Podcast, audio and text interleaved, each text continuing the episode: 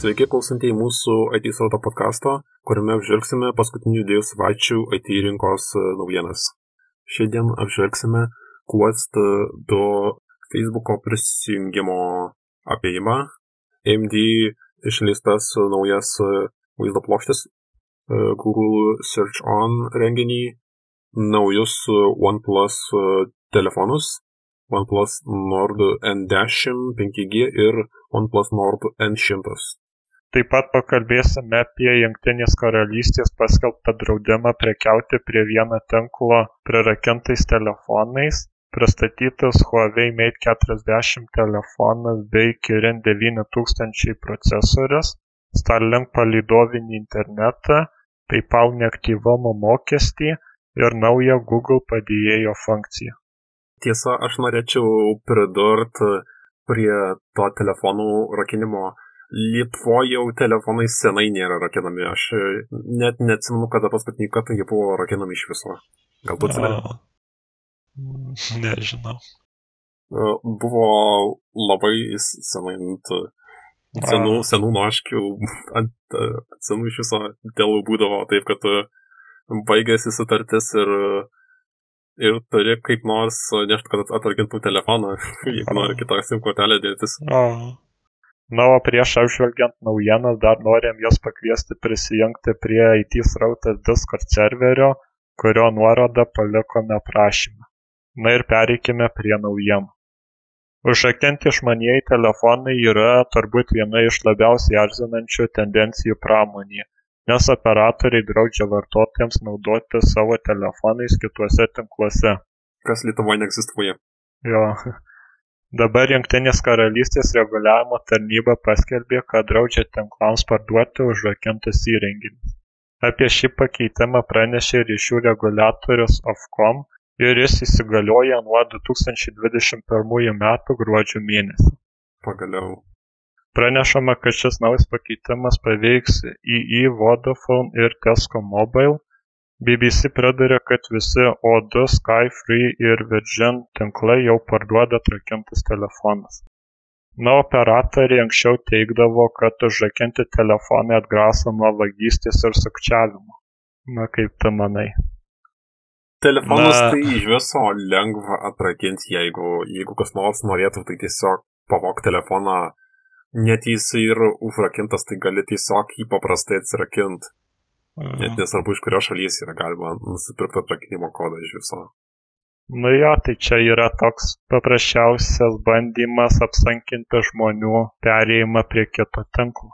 Tai jo, dėl to Lietuvoje ir buvo kažkada populiarus e, šitas dalykas. Nes e, tiesiog operatoriai nenorėjo, kad, kad jų klientai pereitų į ką nors kitą. Na ir taip pat Ofcom pažymi, kad paprastai atrakinti telefoną kainuoja apie 10 svarų. Daugiau. Na tai čia maždaug taip.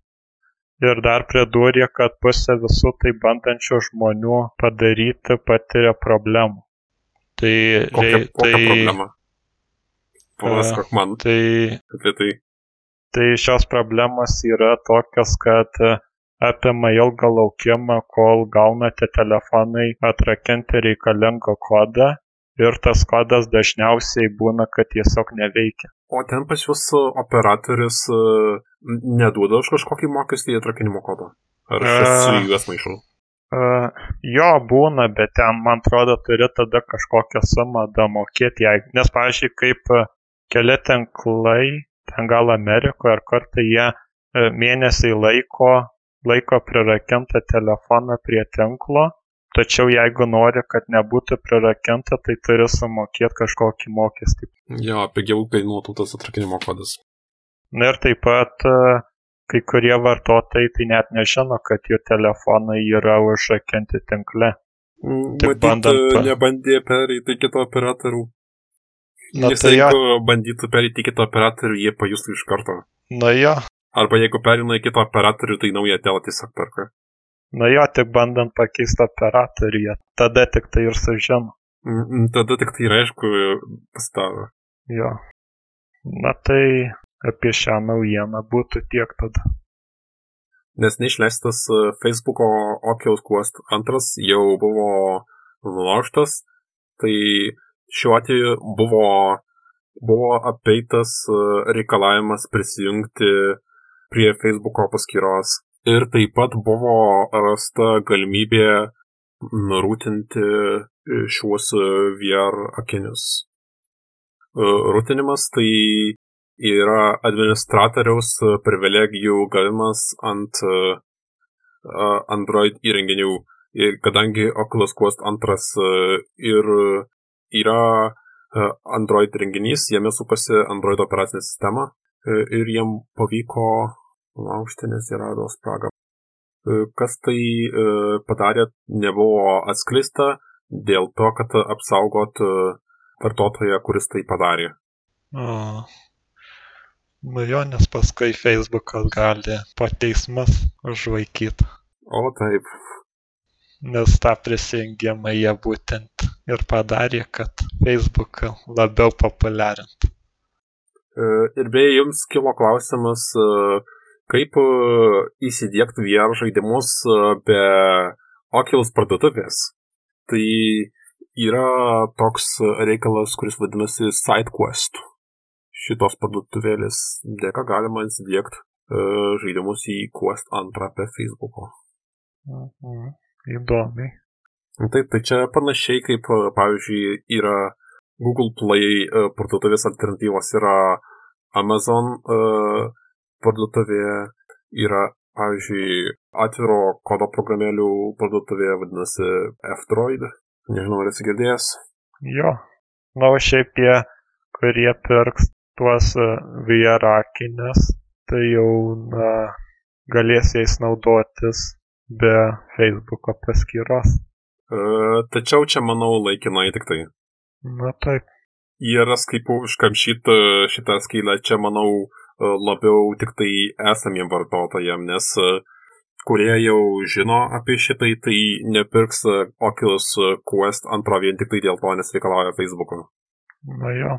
Ir e, nežinau, ar girdėjai, e, daug vartotojų turėjo problemų e, su savo Facebook'o paskyrom. Ir jeigu tu turi problemų su savo Facebook'o paskyra, bet kokių problemų, tai reiškia turi problemų ir su savo Quest 2 akiniais.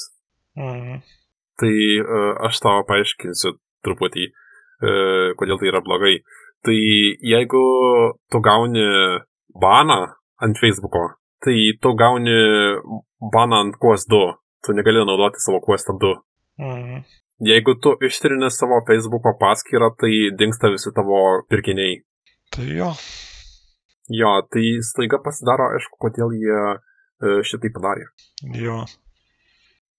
Neseniai Huawei vartotojams pristatė keturias naujas Mate serijos telefonus, tai Mate 40, Mate 40 Pro, Mate 40 Pro Plus ir Porsche Design Huawei Mate 40 RS. Skamba kaip mašinos pavadinimas. jo, tai jisai yra ir sukurtas pagal mašinos dizainą. Žinau, žinau, kas yra Porsche. jo. Na, o dabar juos palyginsiu ir pradėsiu nuo taip Huawei išgirtų kamerų. Tai Mate 40 Pro Plus turi 50 megapikselių pagrindinę kamerą, 20 megapikselių ypač plataus kampo kamerą, 8 megapikselių periskopo kamerą su 10 kartų priartinimu ir 12 megapikselių teleobjektyvą su 3 kartų priartinimu. Iš viso Huawei teigia, kad telefonas siūlo iki 17 kartų didesnį optinį priartinimą. Tuo tarpu Mate 40 Pro turi panašią 50 megapikselių pagrindinę kamerą ir 20 megapikselių ypač plataus kampo kamerą, tačiau jos periskopo priartinimo objektyvas yra tik iki 5 kartų maksimaliam optiniam 7 kartų priartinimui. Telefonai taip pat turi priekinės 13 megapikselių ypač plataus kampo kameras, taip pat tiek priekinės, tiek galinės geba filmuoti 4K raišką. Tai jau yra standartas, man atrodo. Jo. Na, aišku, Huawei kaip ir visada geriasi savo kamerą.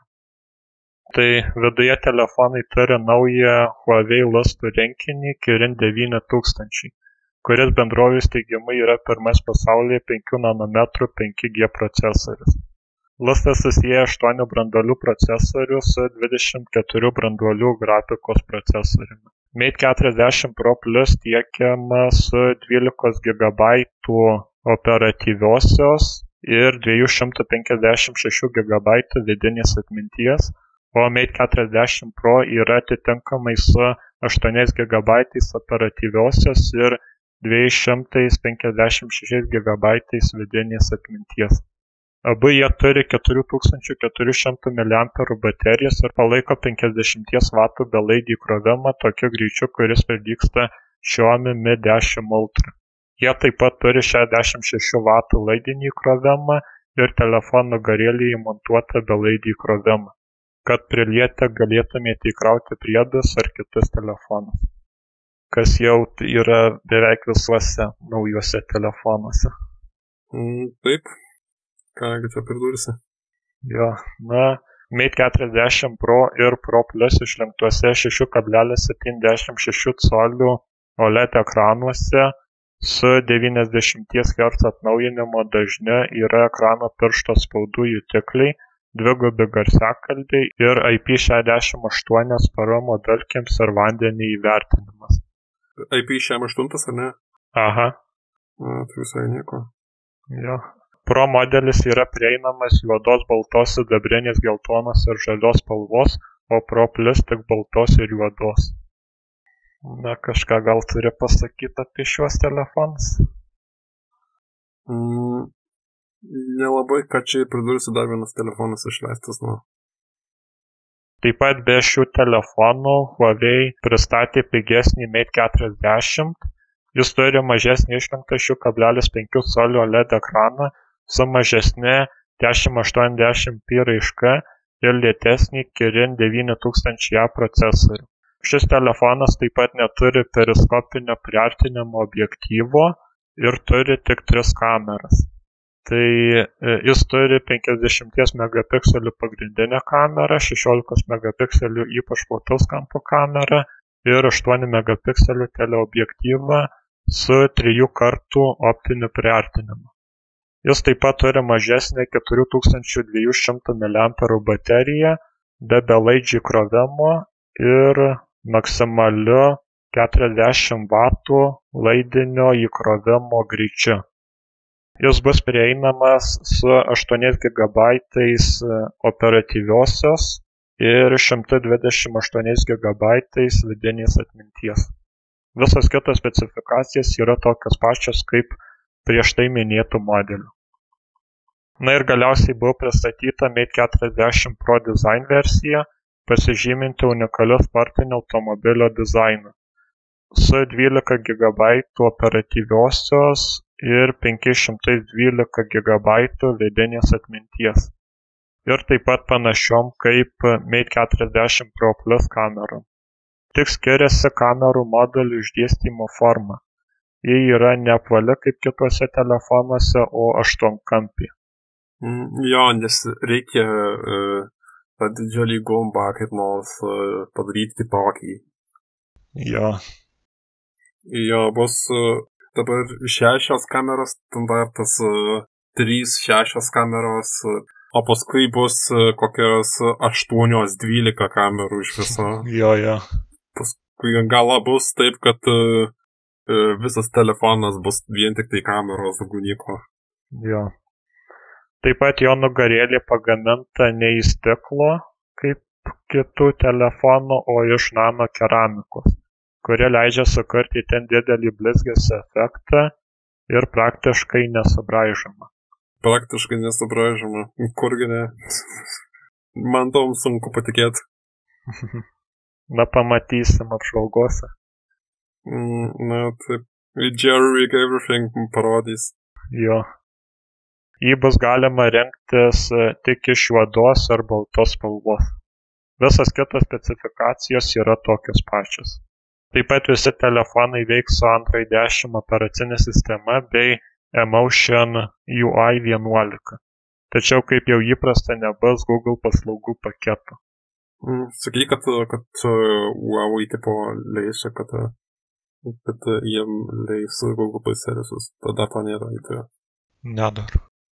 Na, o dabar apie kainas, tai Huawei Mate 40 Pro Plus bus parduodamas už 1399 eurus, kuris jau dabar prieinamas. Tuo tarpu Mate 40 Pro kainuos 1199 eurus ir jį bus galima įsigyti nuo lapkričio 13 dienos Junktiniai karalystiai. O Mate 40 kainuos 899 eurus, šio telefono prekybos data dar nežinoma.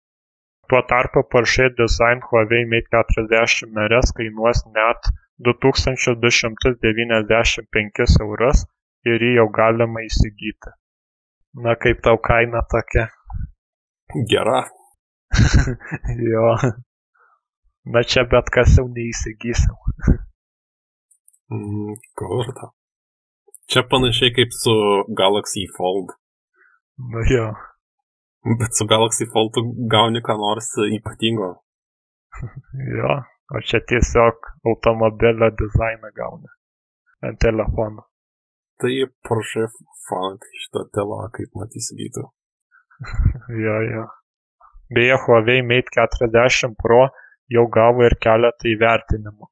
Jis buvo pripažintas kaip turintis geriausią galinę kamerą DxO marka apžvalgoje jis surinko 136 taškus ir taip pat geriausia priekinė kamera, kuri gavo 104 taškus. Mm, beje, norėčiau paminėti, kad e, DxO mark e, taškai tai čia nėra iš, e, iš šimto. Čia yra tiesiog taškai.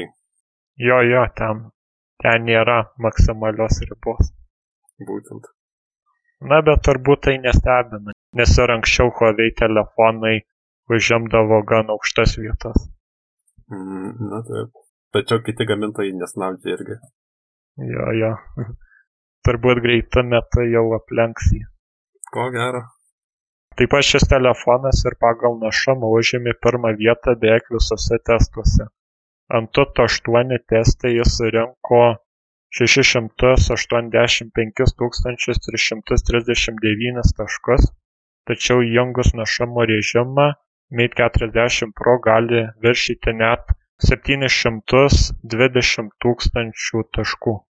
Procesoriaus pajėgumą testuojančios Geekbench 5.1 kelių branduolių kategorijoje veikdamas galingiausiu režimu surinko net 3704 taškus, to paties testo vieno branduolio kategorijoje surinko 1020 taškų ir nusileido tik iPhone 11 Pro Max. O grafikos potencialą tikrinančiame 3D Mark teste neturėjo savo lygių su 9168 taškais. Na, pagal testus tai atrodo įspūdingai. Mm, jo, kam padarė atrodo. Na jo, įdomu bus pažiūrėti, koks jų tikrasis našumas apžvalgose. Mm, na, taip. Nemanau, kad jis e, bus toks visą laiką, nes reikia taupyti bateriją. Na jo. E, neseniai vykusiame renginyje AMD pristatė tris e, vaizdo plokštės. Tai yra AMD Radeon RX 6800, kuri kainuos 579 dolerius, turės 16 GB atminties ir dirbs 1,8 GHz dažniu. Radeon RX 6800 XT, kuri kainuos 649 dolerius ir turės tokį patį kiekį atminties ir dirbs 2 GHz dažniu.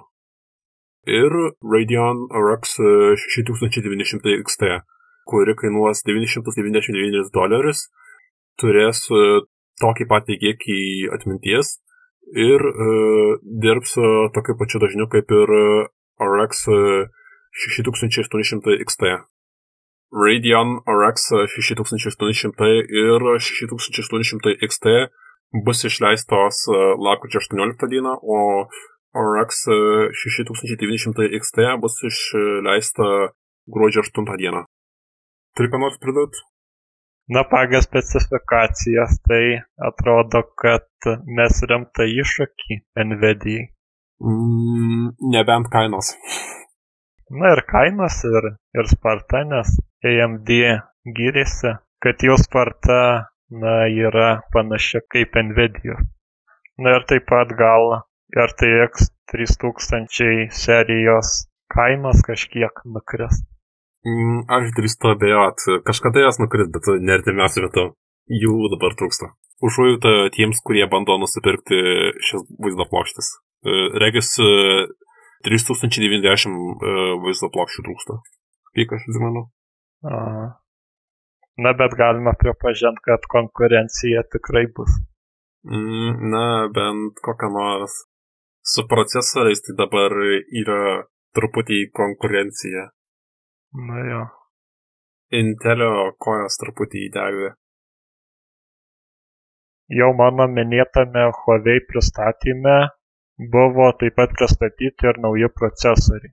Šiek tiek daugiau branduolių turintis Kirin 9000 debituoja Huawei Mate 40 Pro Pro Plus ir Porsche Design versijose, o Kirin 9000e valdo labiau prieinamą Mate 40 modelį. Abu procesoriai žadama turės geresnį efektyvumą ir galingesnės tinklo funkcijas nei ankstesnės kartos. Nebūčiau pagalvojęs. Taip, tai pagrindinis Kirin 9000 funkcijas apima mažesnį energiją taupantį 5 nanometrų gamybos procesą, tai mums vartotojams tai reiškia didesnį našumą ir ilgesnį baterijos veikimo laiką nei ankstesnės kartos procesorius. Kirin 9000 taip pat gali pasigirti integruotą 5G modemą, todėl tai yra pirmoji tai atlikusi 5 nanometrų mikroschemą. Pristatymo metu Huawei nepateikė tikslių greičio duomenų, tačiau lusto balong penki tūkstančiai modemas palaiko iki šešių kablelis penkių gigabitų per sekundę atsisiuntimą su 5G veikimu. Huawei teigia, kad realiame pasaulyje modemas yra penkis kartus greitesnis, o atsisiuntimas du kartus greitesnis palyginti su Qualcomm Snapdragon X55 modemu. Taip pat turi ARM Cortex A77 branduolės bet ne pačius naujausius ARM Cortex A78. Bet Huawei teigia, kad prieš Qualcomm Snapdragon 865 Plus vis vien jie laimi 10 procentų, nors abu jie naudoja tuos pačius branduolius. Tačiau sako, jie įvertino tai, kad ARM Cortex A77 labiau tinkamas 5 nanometrų, o ne 7 nanometrų gamybai na o grafikos pusėje huawei naudoja naujausią arm mele g78 kirin 9000 turės 24 branduoles, o 9000A 22 branduoles. Huawei savo pristatymo metu ir vėl labai agresyviai vertina našumą, žadėdamas 52 procentais daugiau našumo nei Qualcomm Snapdragon aštuoni šimtai šešiasdešimt penki Plus procesorius. Pateikdamas šį palyginimą pagal GFX Bench testavimo rezultatus. Na ir galiausiai Kirin 9000 gali pasigirti 25 procentų procesoriaus, 125 procentų NPU penkiasdešimčia procentų grafikos procesoriaus efektyvumu ir pergale prieš Snapdragon 865 Plus. Tačiau jei viskas nepasikeis dėl JAF ir Kenijos prekybos ginčo, Kirin 9000 turėtų būti paskutinis vidinis Huawei ir HiSilicon lustų rinkinys. Jau anksčiau Huawei pareiškė, kad Kirin 9000 bus paskutinis jos sukurtas procesorius. Taip pat teigia, kad ateityje jie galėtų naudoti Qualcomm procesorius. Turint omeny, kad e, išsiaiškins tais e, ginčiais. Na jo, nes dar ten nežinia. Google Search On renginėje Google pristatė e, geresnį gramatinių klaidų aptikimą savo paieškos sistemoje. Jie teigia, kad tai padės vartotojams rasti tai, ko jie ieško na jų tas dirbtinio intelekto gramatinių klaidų taisymas tai buvo, sakyčiau, e, šiek tiek nevykęs prieš tai. Mm. Dėja, skirybos klaidas jums reikės taisyti patiems, Google šitom nepadės. Na taip. Na bet tikėkime, tas pagerinimas kažkiek pagelbės, ieškant tam tikros informacijos. Mm, na, padės dabar pagerino klaidų aptikimą, tai turėtų, turėtų būti jau geriau. Na jo. Tiesiog pervarė intelektą per žodyną ir turi netaisyklingo parašytų žodžių bazę, nes uh, paieška. Mm. Sekanti naujiena yra apie SpaceX bendrovės kuriamą Starlink palidovinį interneto ryšį. Iš kosmoso. Uh, tikrai uh, to žodžio prasme kosminis internetas. tai Starlink interneto paslauga remiasi sparčiai augančiu mikrosatelitų tinklu išsidėsčiusiu Žemės orbitoje. SpaceX į orbitą pasiuntė beveik 900 palydovų ir tai yra tik nedidelė dalis megažvaigždyno reikalingo pasaulinio interneto paslaugai. SpaceX darbuotojai kelias mėnesius testavo paslaugą vidinėje beta versijoje. Liepos mėnesį bendrovė teigia, kad būsima Starlink paslauga jau turi nepaprastą paklausą, beveik 700 tūkstančių žmonių rodo susidomėjimą. Mm, ko gero kainuos e, tiek, kiek ir e, tie palidaviniai telefonai. Na tai jo dabar yra apie kainas tuo tarpu. Tai remiantis CNBC šaltiniais Starlink palidovinio interneto paslauga vartotojams kainuos 99 JAV dolerius per mėnesį. Na tai ganėtinai konkurencinga kaina atsižvelgiant į lėtą ir kartais brangų palidovinį plačiajuostį ryšį kai kuriose jav kaimiškose vietovėse. Tačiau verta paminėti kad devyniasdešimt devyni jav doleriai ko gero yra tas mokestis kurio bus prašoma ankstyvosios beta versijos testavimo metu. Mm, ko gero norėdami prisijungti dalyviai taip pat turės sumokėti dar keturis šimtus devyniasdešimt devynis jav dolerius už starlink kit. Tai yra aparatūros paketą reikalingą prieš pradedant teikti paslaugas. Aparatūros rinkinį sudarys terminalas wi-fi maršrutizatorius ir tvirtinamas trikojis. Starlink paslauga bus prieinama tiek android tiek ios vartotojams na ir turbūt įdomu koks bus interneto greitis. Tai interneto greitis sieks nuo 50 iki 150 megabitų per sekundę. Teigiama kad delsos trukmė yra maža. Tai yra nuo dvidešimties iki keturiasdešimties milisekundžių. Na kaip tau šis internetas? Mm, labai kosminis ir labai pigus na jo čia švelniai pasakęs pigus tai tai kosminis mm. na bet aišku jisai skirtas daugiausia atokiose jav vietovėse kur paprastas internetas neveikia tiesiog. Jo, kažkas perpardavinės tą Starlink uh, internetą. Gali būti. Na, žiūrėsim toliau, kaip čia seksis jiems su tuo internetu. Jei bus kokių naujienų, tai pranešiu. Mm, be abejo, būtinai. Neseniai OnePlus pristatė du savo telefonus Nord N10 5G ir Nord N100 pigesnį Nord N10 5G variantą.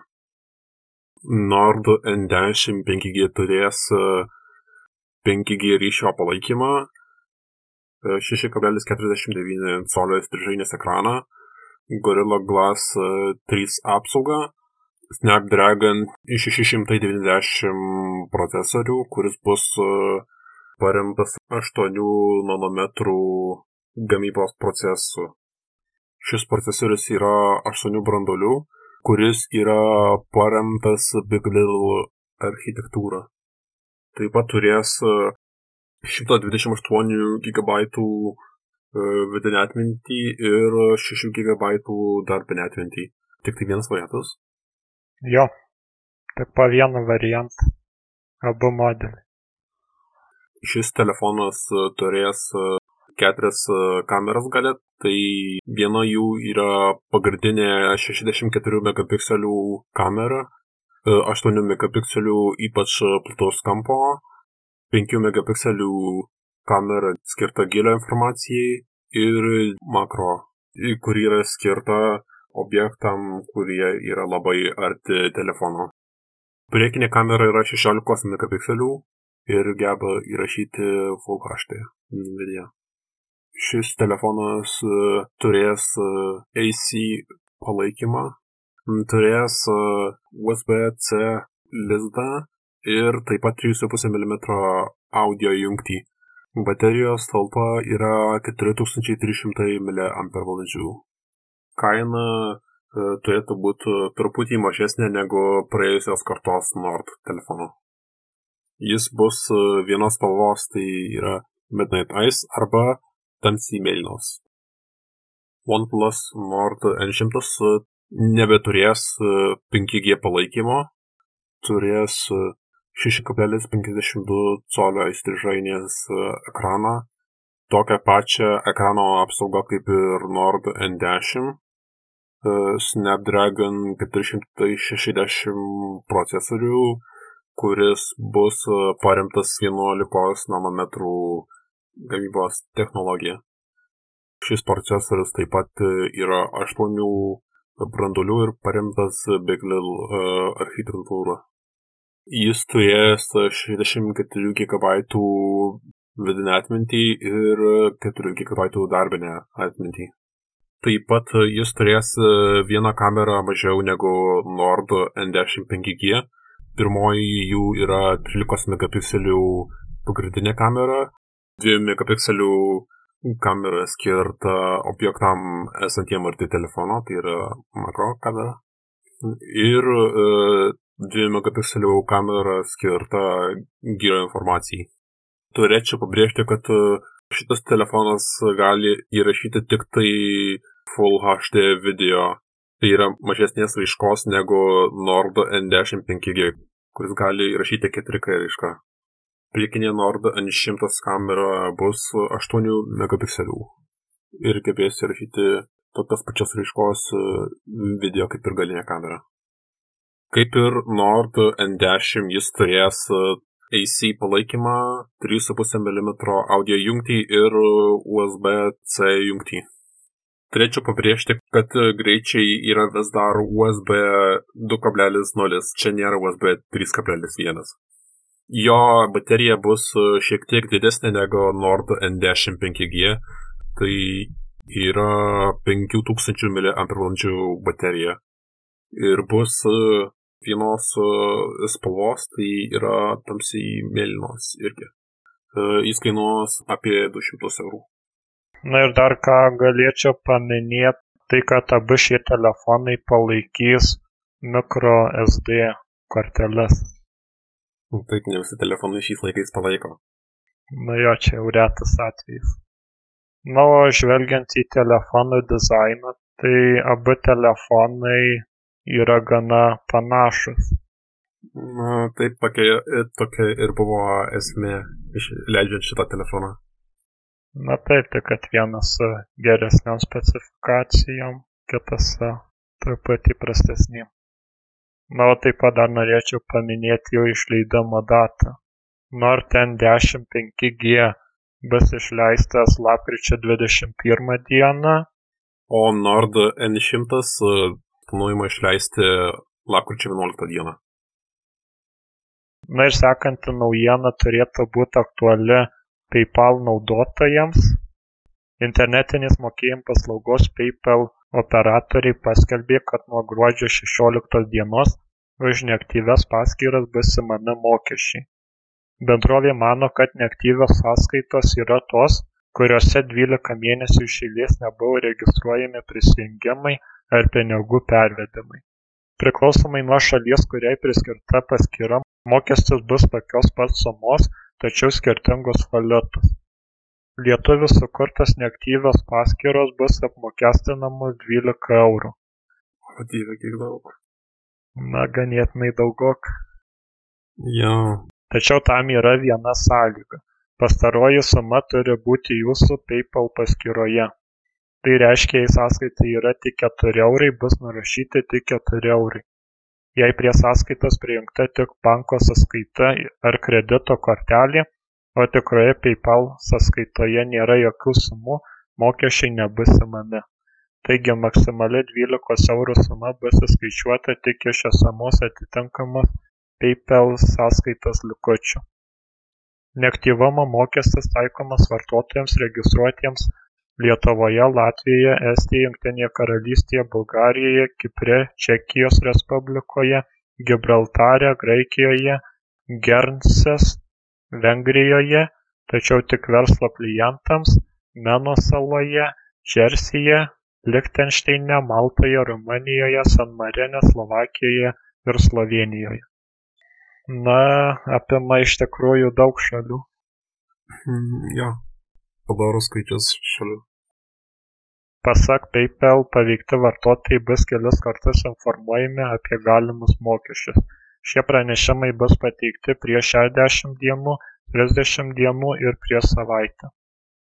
Na, o tuo tarpu, ką mes galime rekomenduoti, tai pradėti naudoti savo PayPal paskyromis arba jas paprasčiausiai uždaryti ar ištuštinti, jog nebūtų apmokestinamos. Čia turbūt nieko ir nepridursi. Nelabai yra ką pridurti. Na tai. Na ir taip pat dar tokia viena paskutinė naujiena, kuri turėtų būti įdomi Android vartotojams. Tai kad Google atnaujino savo Google padėjėją, kuris nuo šiol gebės paleisti tinklalaidės iš trečiųjų šalių paslaugų, tokių kaip Spotify. Geriau negu nieko. Na taip. Na ir kviečiame mūsų tinklalaidės klausyti, pasinaudojus šią funkciją. Na, o šiam kartui buvo tiek. Jei patiko tai, ką klausėte, tai prašome dalintis, komentuoti ir prenumeruoti. Taip pat prisijunkite prie mūsų Discord serverio. Čia buvo IT srautas, iki kito karto.